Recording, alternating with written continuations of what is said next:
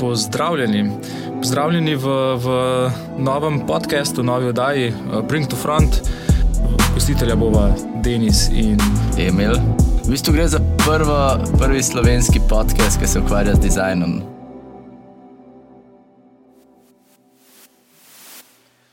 Ok, lepo pozdravljeni v četrti oddaji Bring to Front, podcasta, ki se ukvarja z dizajnom. Eh, Z vami sva Denis in Emil. In danes imamo še posebno gostjo, Uh, z nami je kolegica Klara, Prav. uh, drugač ena izmed eh, kaj, treh članic sektorja Ž, na, Štirih. štirih na, na Radiu Študent. Tako da pa tudi si se ukvarjala neki, neki s temi zadevami, ki jih bomo danes obravnavali, oziroma vsaj podobno.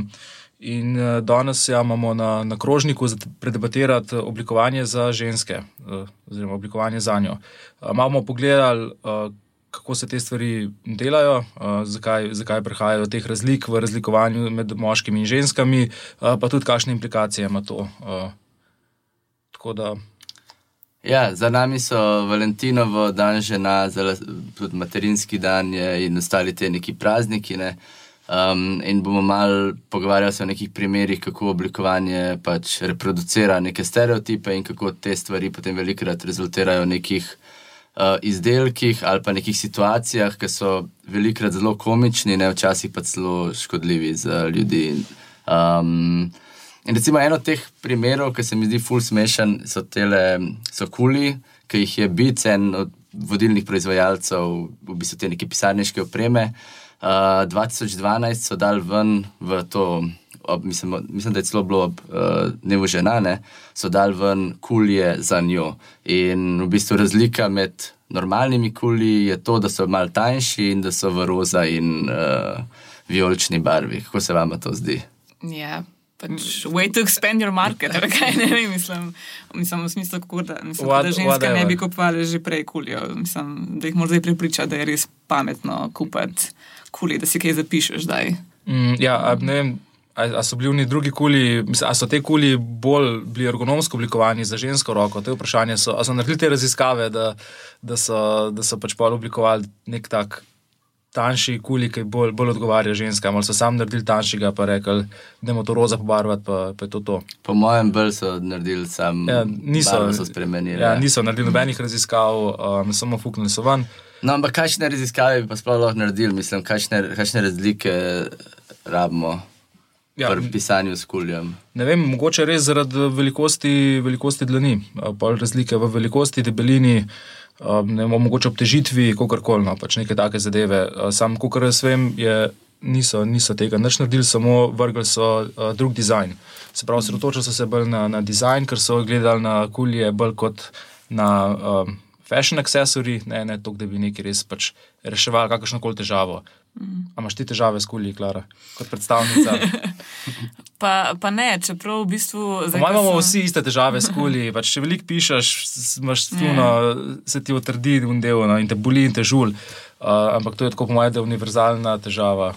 Mislim, jaz ne vem, zato ker sem brala malo te stvari za oddajo, pa pač malo se bolj poglobila to temo, sem zdaj mogla po neki točki kar vse podvomiti. Zdaj v bistvu ne vem več, a, a pač ne vem, me boli roka, zato ker veliko pišem, ali zato ker pač školi ni oblikovan za mojo roko. Tako zdaj ne vem, kaj, kaj ne si sploh mislim o vseh izrekih, ki jih tako v bistvu uporabljam na dnevni ravni. No.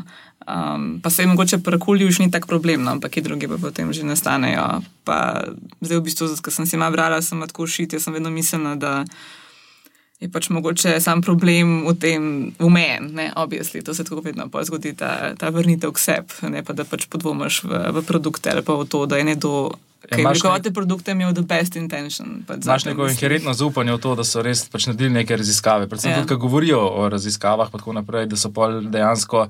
Um, pač imaš kao zaupanje, da so šli na nek ta znanstven pristop, uh, da so na, na ta način reševali probleme. Uh, Ker se potem izkaže, da tudi pač sami ti pristopi so zelo, zelo uh, problematični in ne vključujoči. No. Ma ja, predvsem je problem to, da so te stvari velikrat se zelo mudi, so, so zelo stimulirani z generiranjem nekih profitov oziroma eh, doseganje nekih četrtletnih, letnih ciljev. Ne, in da velikrat te ekipe preprosto niso dost diverse, raznolike, ki bi vključevali različne ljudi. Se tukaj zdaj ne govorimo samo o tem, ne govorimo, tudi o, o, ne govorimo samo o ženskah, govorimo tudi o ljudeh, ki imajo neke um, disabilities, um, ljudje, ki so ful, ne, mislim, nerealno visoki, recimo za šeka. Svet ni oblikovan po njegovi meri, ampak mm. najbolj se pa to pozna, valjda, pri pr ženskah, zaradi tega, ker gre za tok. Veliko... Sam fun fact, še ek me da porabi uno pol litrsko za, um, kaj je to, gil za tuširanje, tako mislim, da v enem ali dveh dneh, ker ima to večje telo. ja, veš, ne vem, take stvari, ki so tok nam običajne, kot te pametni telefoni, a ne. Tako, že meni je to čist preveliko, ne predstavljam si, kako ta telefon, a veš, za neko žensko, ki je, ne vem, meter 55 visoka, kako mm -hmm. to pol deluje, a ne. Um, In mislim, tle gre, tle gre za, to, za neke čudne situacije, ki se pol dogajajo, ne veliko so pa te stvari um, zelo nevarne za življenje, tako kot recimo v primeru nekih avtomobilov. Mm. Ja, to je meni kar, kar zebra, ker sem to prebrala. No, to, da v bistvu. Še posebej avtomobili, ki se ti pa redi, da so stvari, ki so tako res. Uh, ful bile premišljene in, tako vedno veš, da se delajo neki testi in pa imaš tudi neke te videe, da ti ja pač eh, nazorno prikažejo, kaj pomeni, recimo, ne imeti zapet varnostnega pasu, če se pretepate hitrosti zaleti avto in gledaš v ne kreš dami, se tam tako čist zverižijo in pol si misliš, ja seveda, da se testirajo, so ne, ljudje vejo, kaj delajo, ne, očitno jim je zelo mar za, za varnost in potem te še vedno apelirajo, tako res, vedno si moraš prepet pas, vedno moraš, ne vem, biti pozoren na te pa te stvari, ne, bila ta, ta akcija takrat, ne, red je vedno pas pripet, ne, ko se res, eh, to se zapomnim iz tega slogana, se je to res fuločitno. Vedno komunicira kot pomembna zadeva in me je pač ful presenetil, da se pač ne testira na ženskih um, teh modelih ali pa lutkah kar v bistvu ima ful velike implikacije pri tem, kako se neko telo odzove na udarce, na, neke, um, na neko silo, ki te pač prbije naprej ali pa nazaj. In kako v bistvu ja, imajo. Ja, Ker imam tukaj vidim statistike, ima 17 več možnosti, 17% več možnosti, da v bistvu umrejo v nesrečah, pa mislim, da približno 50% več šans, da se poškodujejo v nekih lažjih prometnih nesrečah, ker pač stvari niso prilagojene za recimo neke, neke telesa, ki so tako pač ja, po velikosti malo manjša, ki imajo drugačno strukturo kosti.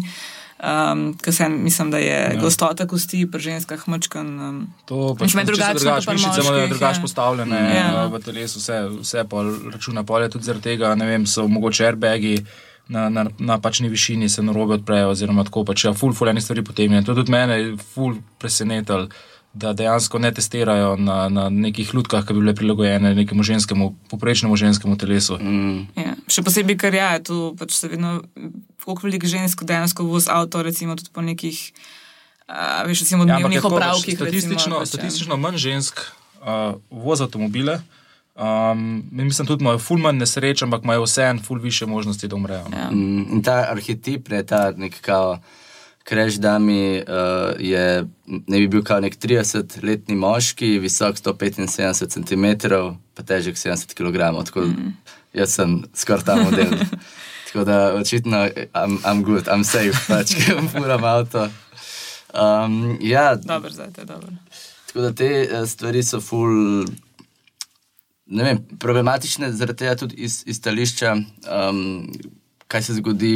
Veš, kdo, kdo je recimo, odpiral vprašanje o tem v načrtovanju nekih takih izdelkov, kdo je ta nek tipični uporabnik, pa kdo so nekak, neki marginalni uporabniki, kot mm. to poimenujemo, ki delamo stvari. In zdaj, tako, recimo, če delaš neko aplikacijo za neko zabavo, ne, valjda, da te stvari delaš za nekega tipičnega uporabnika in te marginalni uporabniki niso tako pomembni. Uh, Medtem ko delaš neke stvari, ki so dobesedno vplivajo na, na življenje in smrt in te lahko pač rešijo, oziroma ne vem, kako stvari, ki so. Recimo produkti, ki so povezani, digitalni produkti, ki so povezani z nekim državljanstvom, kot recimo Government UK ali pa zdaj so dali tudi ven Slovenija, pika ta government, uh, mislim, government.si.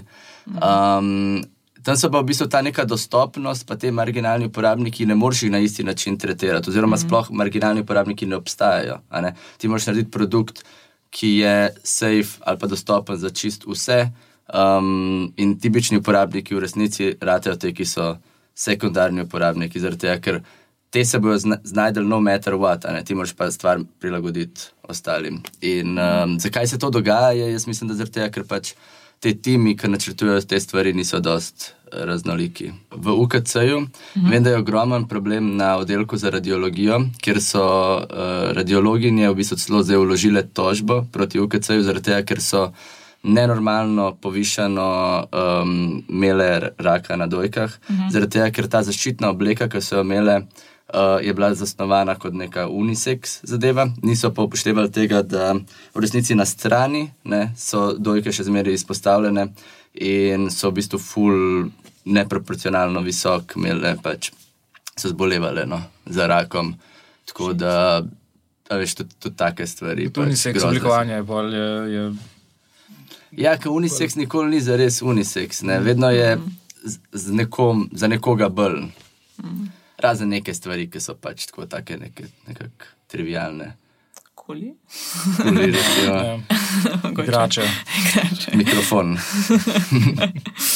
Uh, ja, zato ker si prej omenil te uh, zaščitne obleke. Ne? Isti problem pa nastane pri vseh poklicih, ki moraš imeti dodatno zaščitne obleke v smislu in ne vem, bulletproof vesti ali pa konc koncev ta velika afera, ki so odpovedali edino nasino all female odpravo v vesolje, ker so pač imeli premalo oblek za ženske, medium size, oziroma imeli so jih dovolj, samo eno bi mogli še nakalibrirati in to traja, mislim, da tako še en teden, dva, ker se to ful prilagaja in pa se pa samo skensla celo odpravo.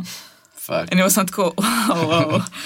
Ja, okay. vse, mislim, tudi kot te zaščitne rokavice, oziroma rokavice za delati, so tako neprimerno uh, prevelike za, za pač ženske uporabnice. Pač, ja, cela, cela kupica teh uh, opreme, ki jo uporabljajo v poklicih, je ja. neprilagojena.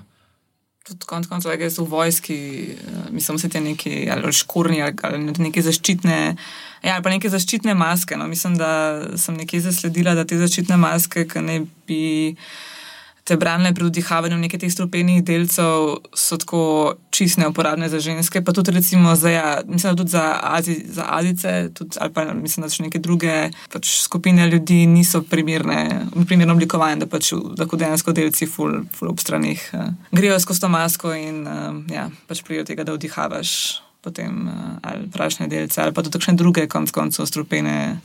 Snovi. Lih, uh, prej smo se pogovarjali o tem, v Britaniji je 700 policajk podpisalo mm. odprto pismo, da te ja, bulletproof uh, vesti jih pač full žulijo in da so jim mm. totalno neprilagojene. In da je šlo celo tako daleč, da si je ena uh, policajka mogla zmanjšati prsi, tega, ker mm. preprosto ni mogla biti operativna no, zaradi tega uh, jopiča. Noro, popolnoma noro. Ja, posod, mislim, tako v vseh sektorjih nas kaže, od eh, doziranja zdravil do pač medicinskih, do diagnosticiranja bolezni, pač raziskave, ki se delajo, uh, so tudi pač, se delajo za to neko tipično moško, moško telo, uh, ki je staro kaj do 40 let, uh, kot se reče, 175 visoko, 75 kg um, in tudi ne vem, pol uspavalne tablete. Vem, da je ta nek ameriški nadzorni organ za, za zdravila, nekaj FDA ali kaj je je mogel izdati uh, opozorilo, da mora ženska imeti uh, polovično dozo nekih uspovalnih tablet, ker so bile pač uh, zjutraj, ko so se zbudile, še zmeraj pod takim vplivom, da so imele ful več prometnih nesreč.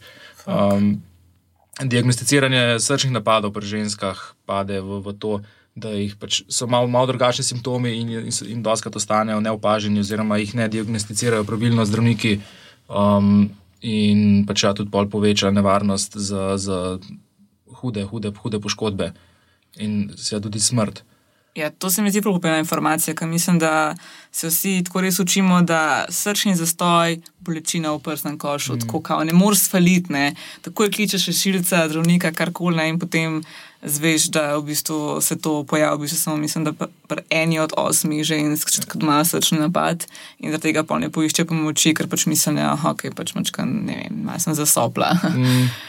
Kar me je spomnilo na to, da sem zdaj pred kratkim delal izpit iz prve pomoči, ker se spravljam delati izpit za avto, tako da zdaj vem, kaj vse me fucking čaka. Ampak je pomer pač enega predavatelja. Ker valjda se ni mogel izogniti tem raznim seksističnim opaskam, ne, pri, um, predvsem pri oživljanju. Ne. In menim, da je bila tako fulhecna izjava, da kaj pač nekje določaš, ki moraš masirati srce. Ne. In je pač pol izjavil, ne, da ja, veste, včasih je bilo pač pravilo, da se masira med prsnimi bradavicami, da to je pač kao, je kao lokacija srca. Ne. In pa reče, ja, in to so mogli pa spremeniti.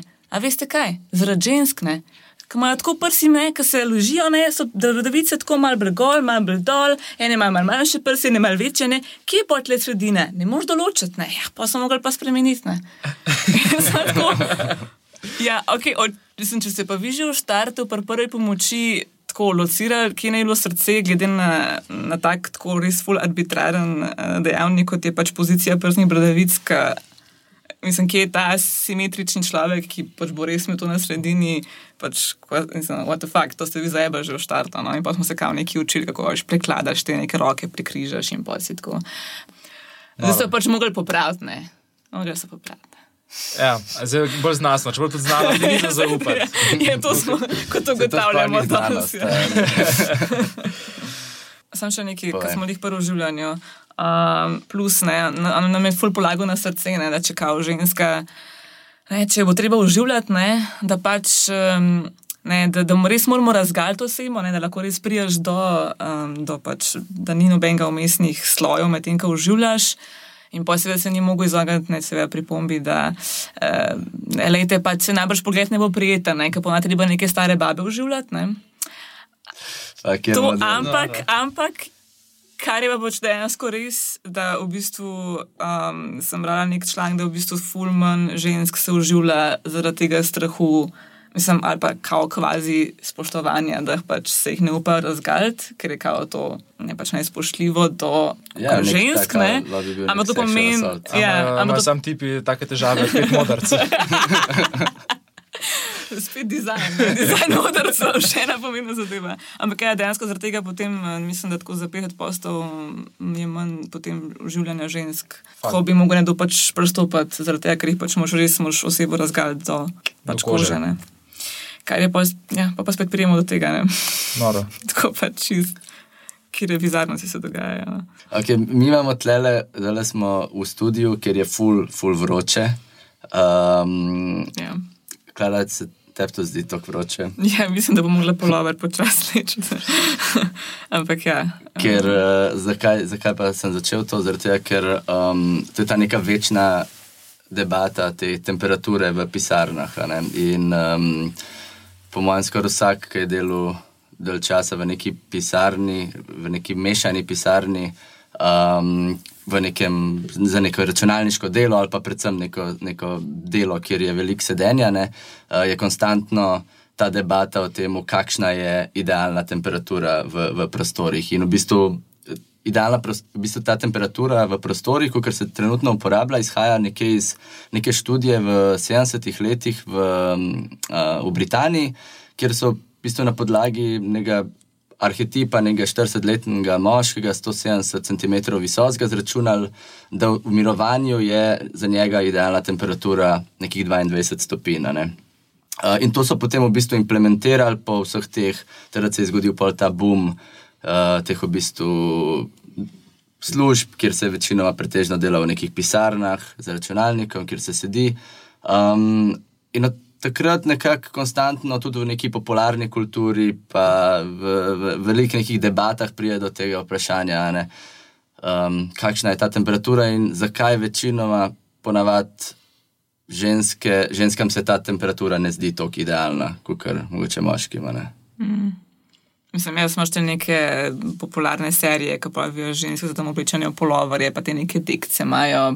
No, in pred kratkim so ponovili to raziskavo, da, da vidijo, če, pač, če je nekaj na tem, ali gre pač to za neke, za neke individualne v bistvu, ne, tendence. Ne? Um, in so v bistvu ugotovili, da ja, pri moškem so kar blizu za del, ne? čeprav eni ljudje, kot recimo Mark Zuckerberg, uh, preferirajo bolj mrzlo okolje, on, on vse. Uh, celotno firmo sil, da delajo na 15 stopinjah, zaradi tega, ker njemu to tako ustreza, ker je itak pol robot. Um, Ampak ugotovili so ja na koncu, da pri ženskah pa niso ujeli in da so v bistvu ta razlika je 3 stopinje, ker ženske pravijo, da je za njih 25 stopinj v nekem povprečju idealna temperatura v prostoru. No, in zaradi tega pride do teh nekih čudnih situacij, kjer uh, se moški po pisarni šetajo v kratkih hlačah, eh, ženske pa zmrzujejo z unim kaloriferčkom, pa, pa z uh, dekco. In Mogoče pa moški tega hitreje napredujejo, ker so bolj efektivni v službi. Te je potem zebe, pa si tako, da Ja. lahko domov preda. Čeprav po drugi strani, pa če si v kratkih hlačah, zihar ne boš napredoval nikam. to je res. ja. Zakaj mislite, da, da, da prije do tega, da so te, uh, recimo, da smo govorili o nekih oblikovalskih rešitvah, ki so zelo uh, moškocentrične? Mm. Ali mislite, da to pride zaradi neke ignorance, zaradi neke neuključenosti, ali čisto samo zaradi tega, ker mogoče niso govorili s pravimi ljudmi? Fak. Moje Ja. kar kombinacija vsega. Ja, no. ja, po mojem ni tako enoznačnega odgovora, res fakt, kar, kar težko, bi, težko bi rekel, um, da, bi, da bi se nacentriral na, na eno zadevo. Mislim, ne vem, tako, da, da bi rekel, ne zdi se mi, da, da rečeš, kao, da, da jih niso vzeli v obzir uh, pri samem oblikovanju. Mogoče, ali pa, pa če se sploh ne vem, verjetno je to, ker sploh ne razmišljamo o teh kategorijah. Mogoče že sam zaradi tega, ker je ne mogoče zgodovinsko, ker so bile izključene iz javnega prostora, mm. javnega diskurza ženske tog časa, da pač nekako nimamo tega sploh v, v nekem tem kolektivnem. Uh, kaj diskurza, da bi razmišljal o teh zadevah. Uh, univerzalistična pozicija je nekako moška pozicija, ki se kaže tudi v jeziku. Um, recimo, moški, je, moški spol je ta default, ki označuje vse. ne. Že tle se kaže. Pol tudi ene take zadeve, po mojem, tudi pri oblikovanju nekih teh univerzalnih zadev, unisex zadev, um, padejo, padejo v, v to isto kategorijo.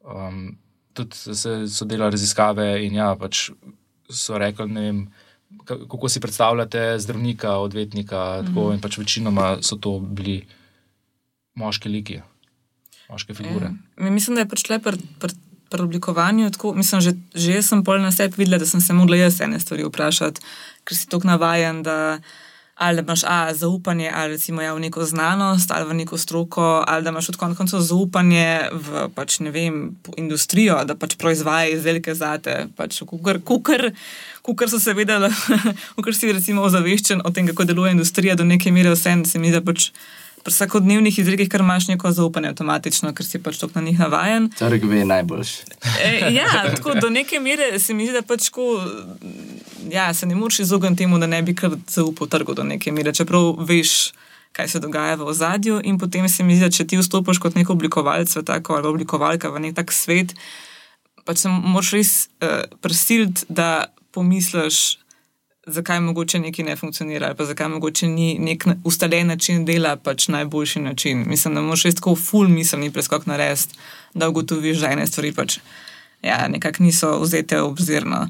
No, meni se zdi, da poleg tega, da je neka default pozicija moški in da poleg tega, da tudi ne vprašajo dost žensk v nekih raziskavah in jih ponavadi ni vključenih, vsaj ne v nekem rez, uh, reprezentabilnem vzorcu, da, da je še en problem in to sicer, da um, čeprav je recimo veliko žensk v, um, sploh v izobraževalnem procesu je 70% žensk v primerjavi z moškimi v, v oblikovalskih strokah.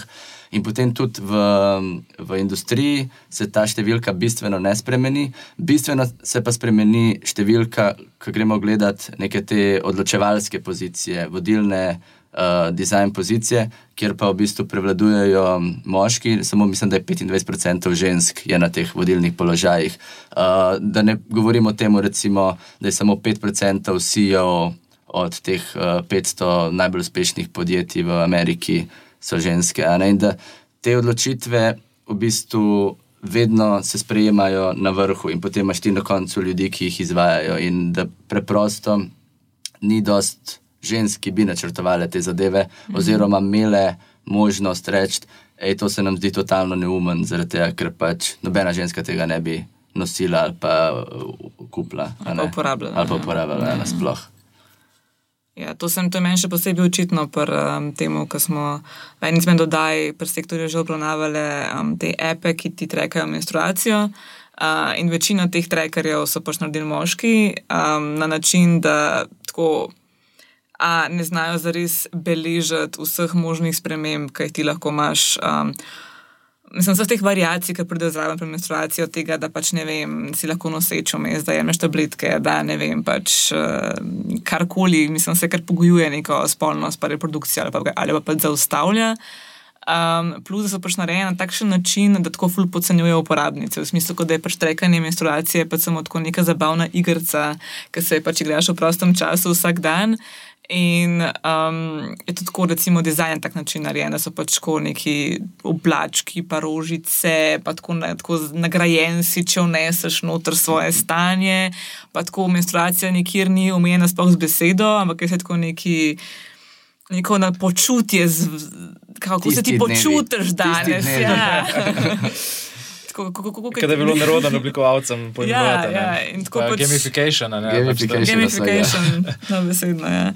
In ja, so na tak način pa tako uporabljajo kot nek lažni uh, jezik o polnomočenju žensk, ampak je tako fulje podcenjujoč, pa tako fulje čestitajo, polka si vnesel noter stvari. Obenem pa hočejo tako v bistvu ful tudi detaljnih podatkov in to se je tudi kasneje izkazalo za ful problematično, da so pol ugotovili, da so prodajali naprej. So prodajali naprej ful teh podatkov no, in, in ful trekali pol stvari in v bistvu neko reprodukcijo.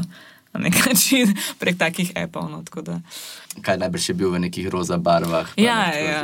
Ampak tudi, recimo, potem, ko se gledajo neke druge epe, ki so recimo fulbe premišljeni, pa, pa, pa niso tako neki, pa niso samo recimo nek ta krinka, zato ti pač potem neke epe šopajo za neke ne vem, kozmetične produkte.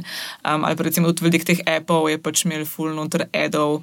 Um, v smislu, tako, da lahko vzameš kredit, ko dobiš otroka, da pa lahko mhm. kupiš neke produkte, ali pa recimo, da so napeljane neke tečaje z mlade mamice in podobno. Ampak tudi te, ki so bili malo bolj premišljeni, um, so tako kar um, nekako niso resno vzeli, da je pač menstruacija je neko zdravstveno stanje, recimo, če temu tako rečem, ki se pač, uh, ki ga treba pač resno imati, ampak je vse tako malo. No. Tako je, menstruacija. Pač, ko, ne, vsak dan je prostem času. V prostem času malo. Ukvarjamo s tem.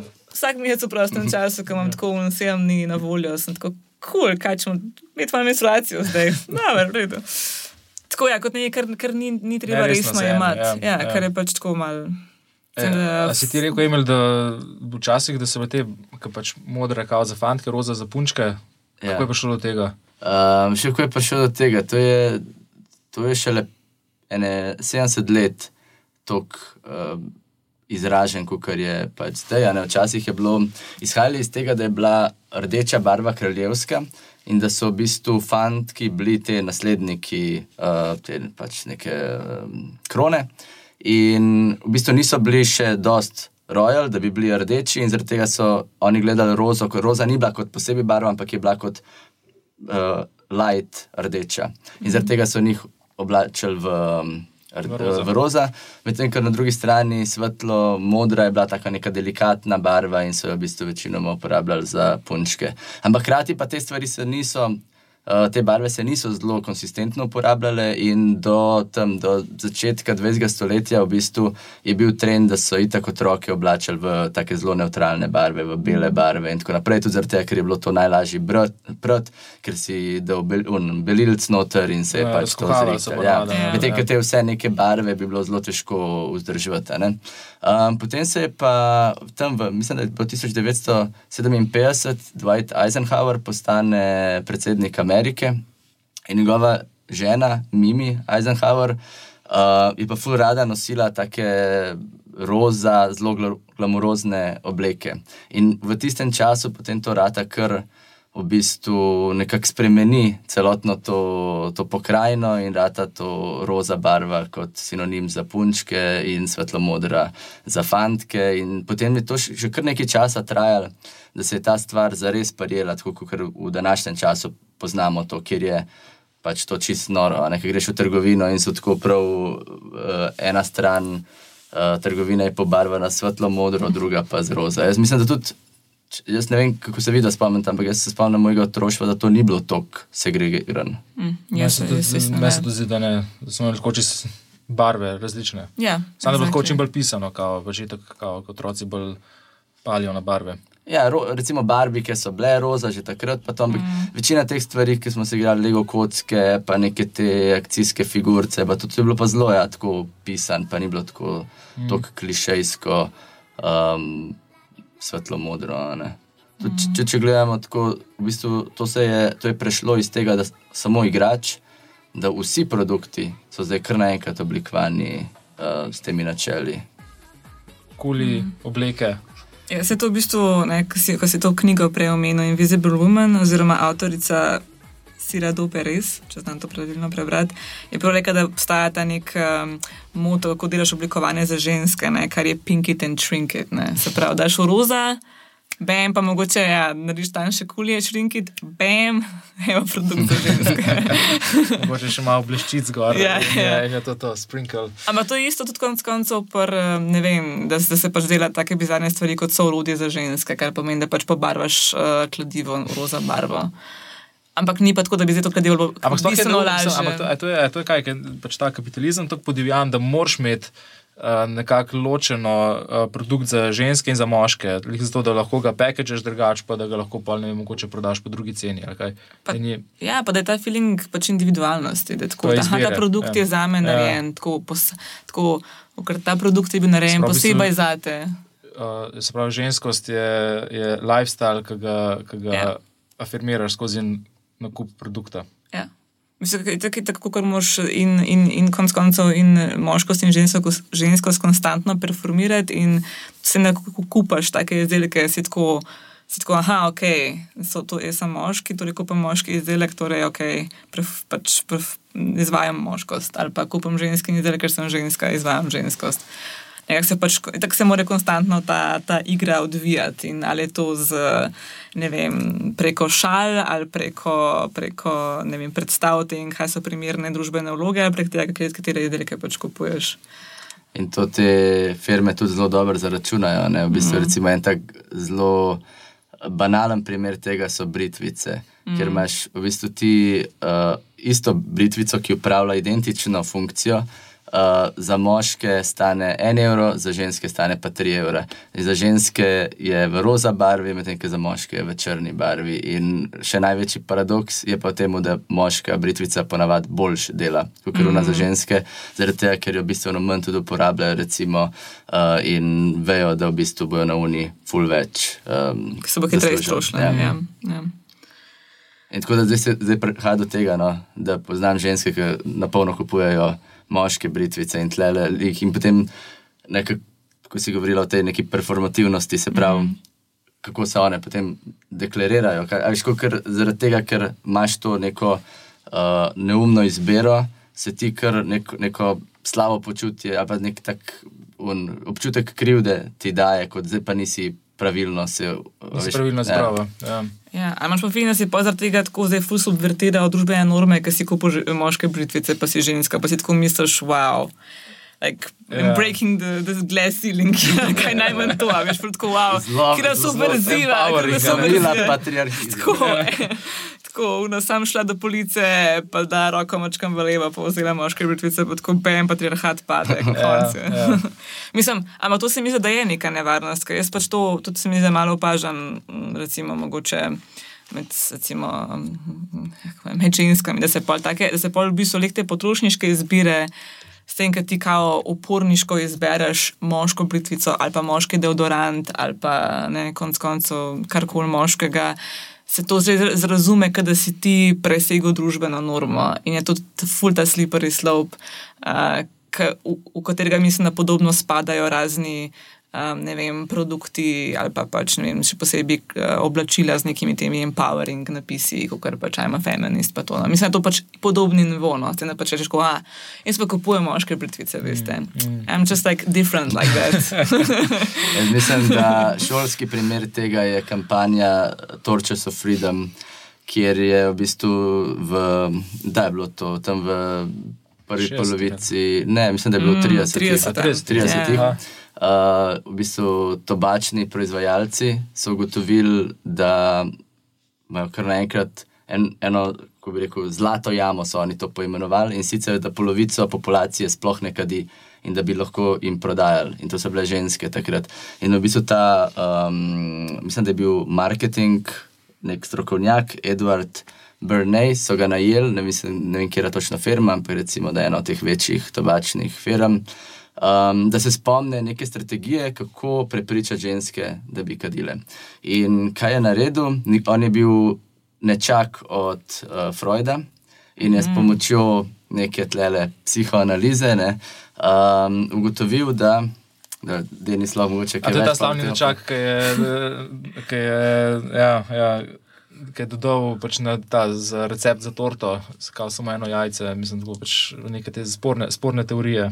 Ja, no, mogo- Prvi sem z njim je slišal, ja, veliko malo enih spornih stvari Ja, povezanih, ampak um, ne glede na to, je pač nekako zavedel se uh, neke moči psihologije v nekih potrošniških odločitvah. In kaj je naredil, je, da je v bistvu cigareto predstavil kot nek simbol um, emancipacije žensk. In takrat so na neki paradi v New Yorku, ki je bila takrat uh, prenašana po vseh uh, ameriških televizijah, Kot Super Bowl. Ki je Super Bowl najel eno veliko skupino žensk, da so vse pred kamero prežgale cigareto in rekle, mi smo osvobojene, to je Torch of Freedom. Mm. So In, fržetke, novodobne.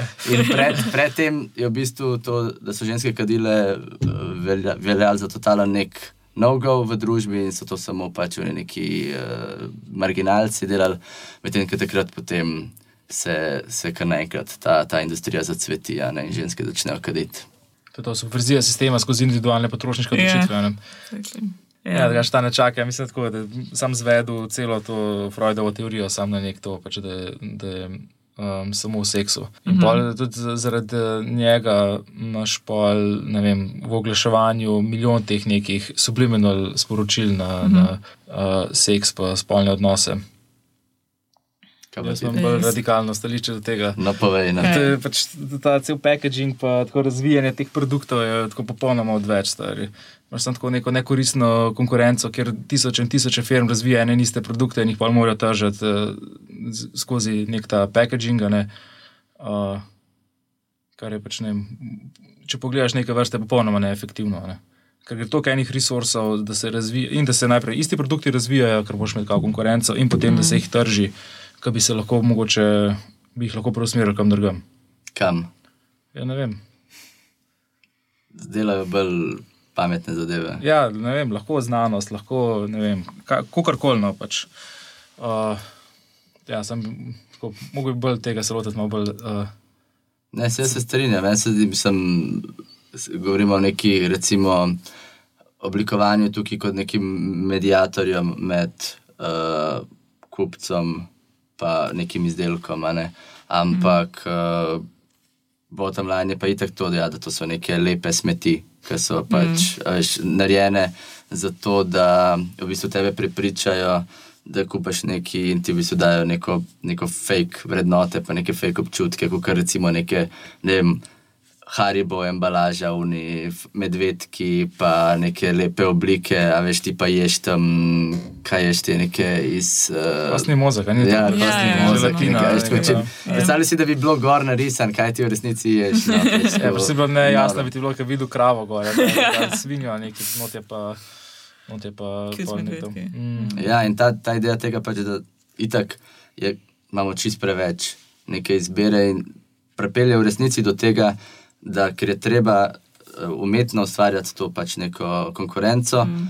da je treba delati neke nove produkte in recimo ženske so takrat za njih super nek, eh, nek market, kamor lahko mm. eks, ekspandajo svoj neko nabor produktov, zato da rečejo, da vse to stvar imamo, da imajo sam drugač za vid, da imajo roza, Ja, nikoli. pa da imamo prodati ženskam, pa lahko še 3 evre več zaračunamo. Ali pa organik, gor napišemo.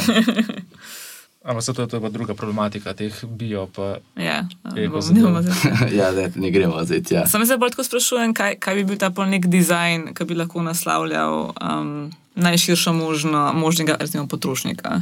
Ker recimo do neke mere, ne, kaj, kaj potem je kako ne bi pa to vse skupaj izgledalo, ker smo imeli teh nekih minimalističnih dizajnov.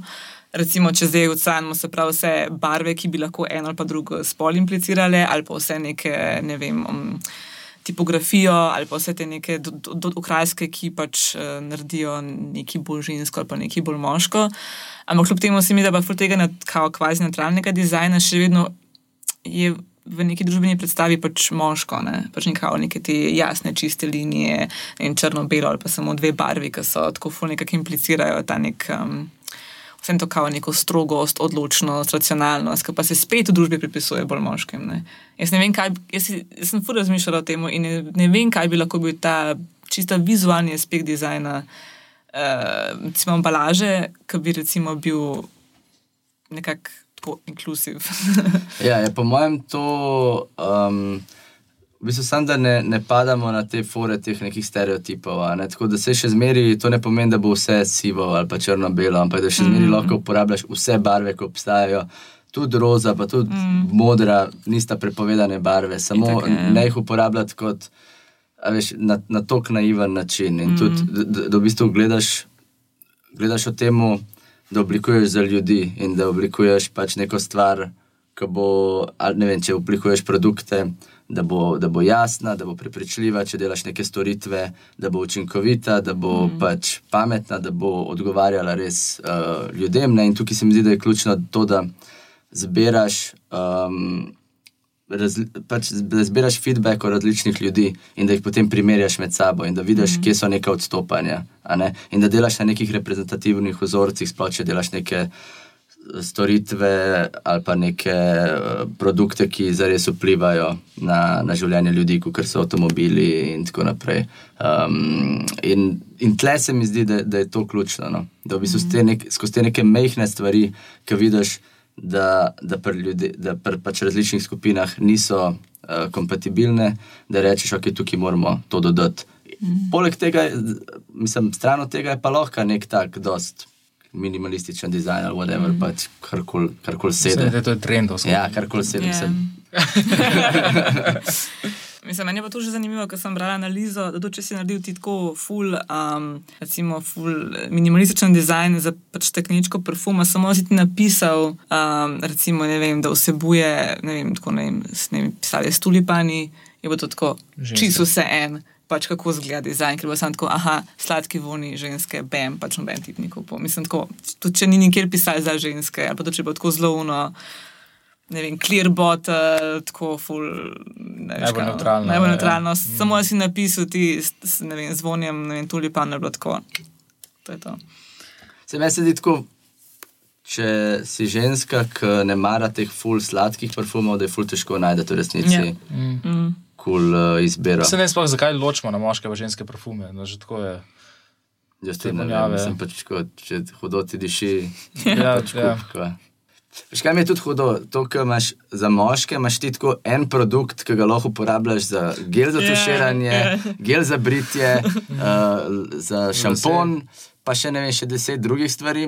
Medtem, ko za ženske imaš pa za vsak del telesa drug uh, gel za tuširanje, šampon, uno, tretje, gor dol in imaš tako 40 šamponov, uh, conditioner, ne vem kaj se, pač res tako kakšne, veš, kot da smo čist druga bitja, stari. Je valjda, ker se pač opira, da pač moški mora biti efektiven, ker ima pač pomembne stvari v življenju in pač mora pod unim natušom upraviti pač pet stvari naenkrat, ne. Ženska pa pač tak. Ne more več časa vložiti vase. Predvsem v svoj izgled, neko ja, to zunanjost. Ja. Ker pač to dela. Ne? To pač ni na način. Imam hudo idejo, poslovno. Uh, gel za tuširanje, ki je tudi zobna pasta. Fak, ja. To je to, res, dejansko res. Podarjam, podarjam za stonce, če bi kdo naredil. Samo vzemite pa naredite. Tako, no hard feelings, sam naredite to. Predstavljaj si ga še tipi že zdaj, ker se zgelo. ok, prišli smo do konca četrte oddaje.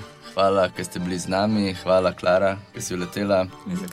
Hvala tebi, Denis. Hvala tebi, Emil. um, to je to, se slišimo čez dva tedna. Umestno lahko followate na Instagramu, poslušate še najne druge oddaje na SoundCloudu, na iTunesih, zdaj mislim, da bo še na YouTubu. Tako da ne da nam, nam. kaj denarja, da bo lahko to še naprej snemala. Spodbujite naj jo, komentirajte. Lahko v kuverti prenesete klele na radio študent, pa pustite pri vratarju.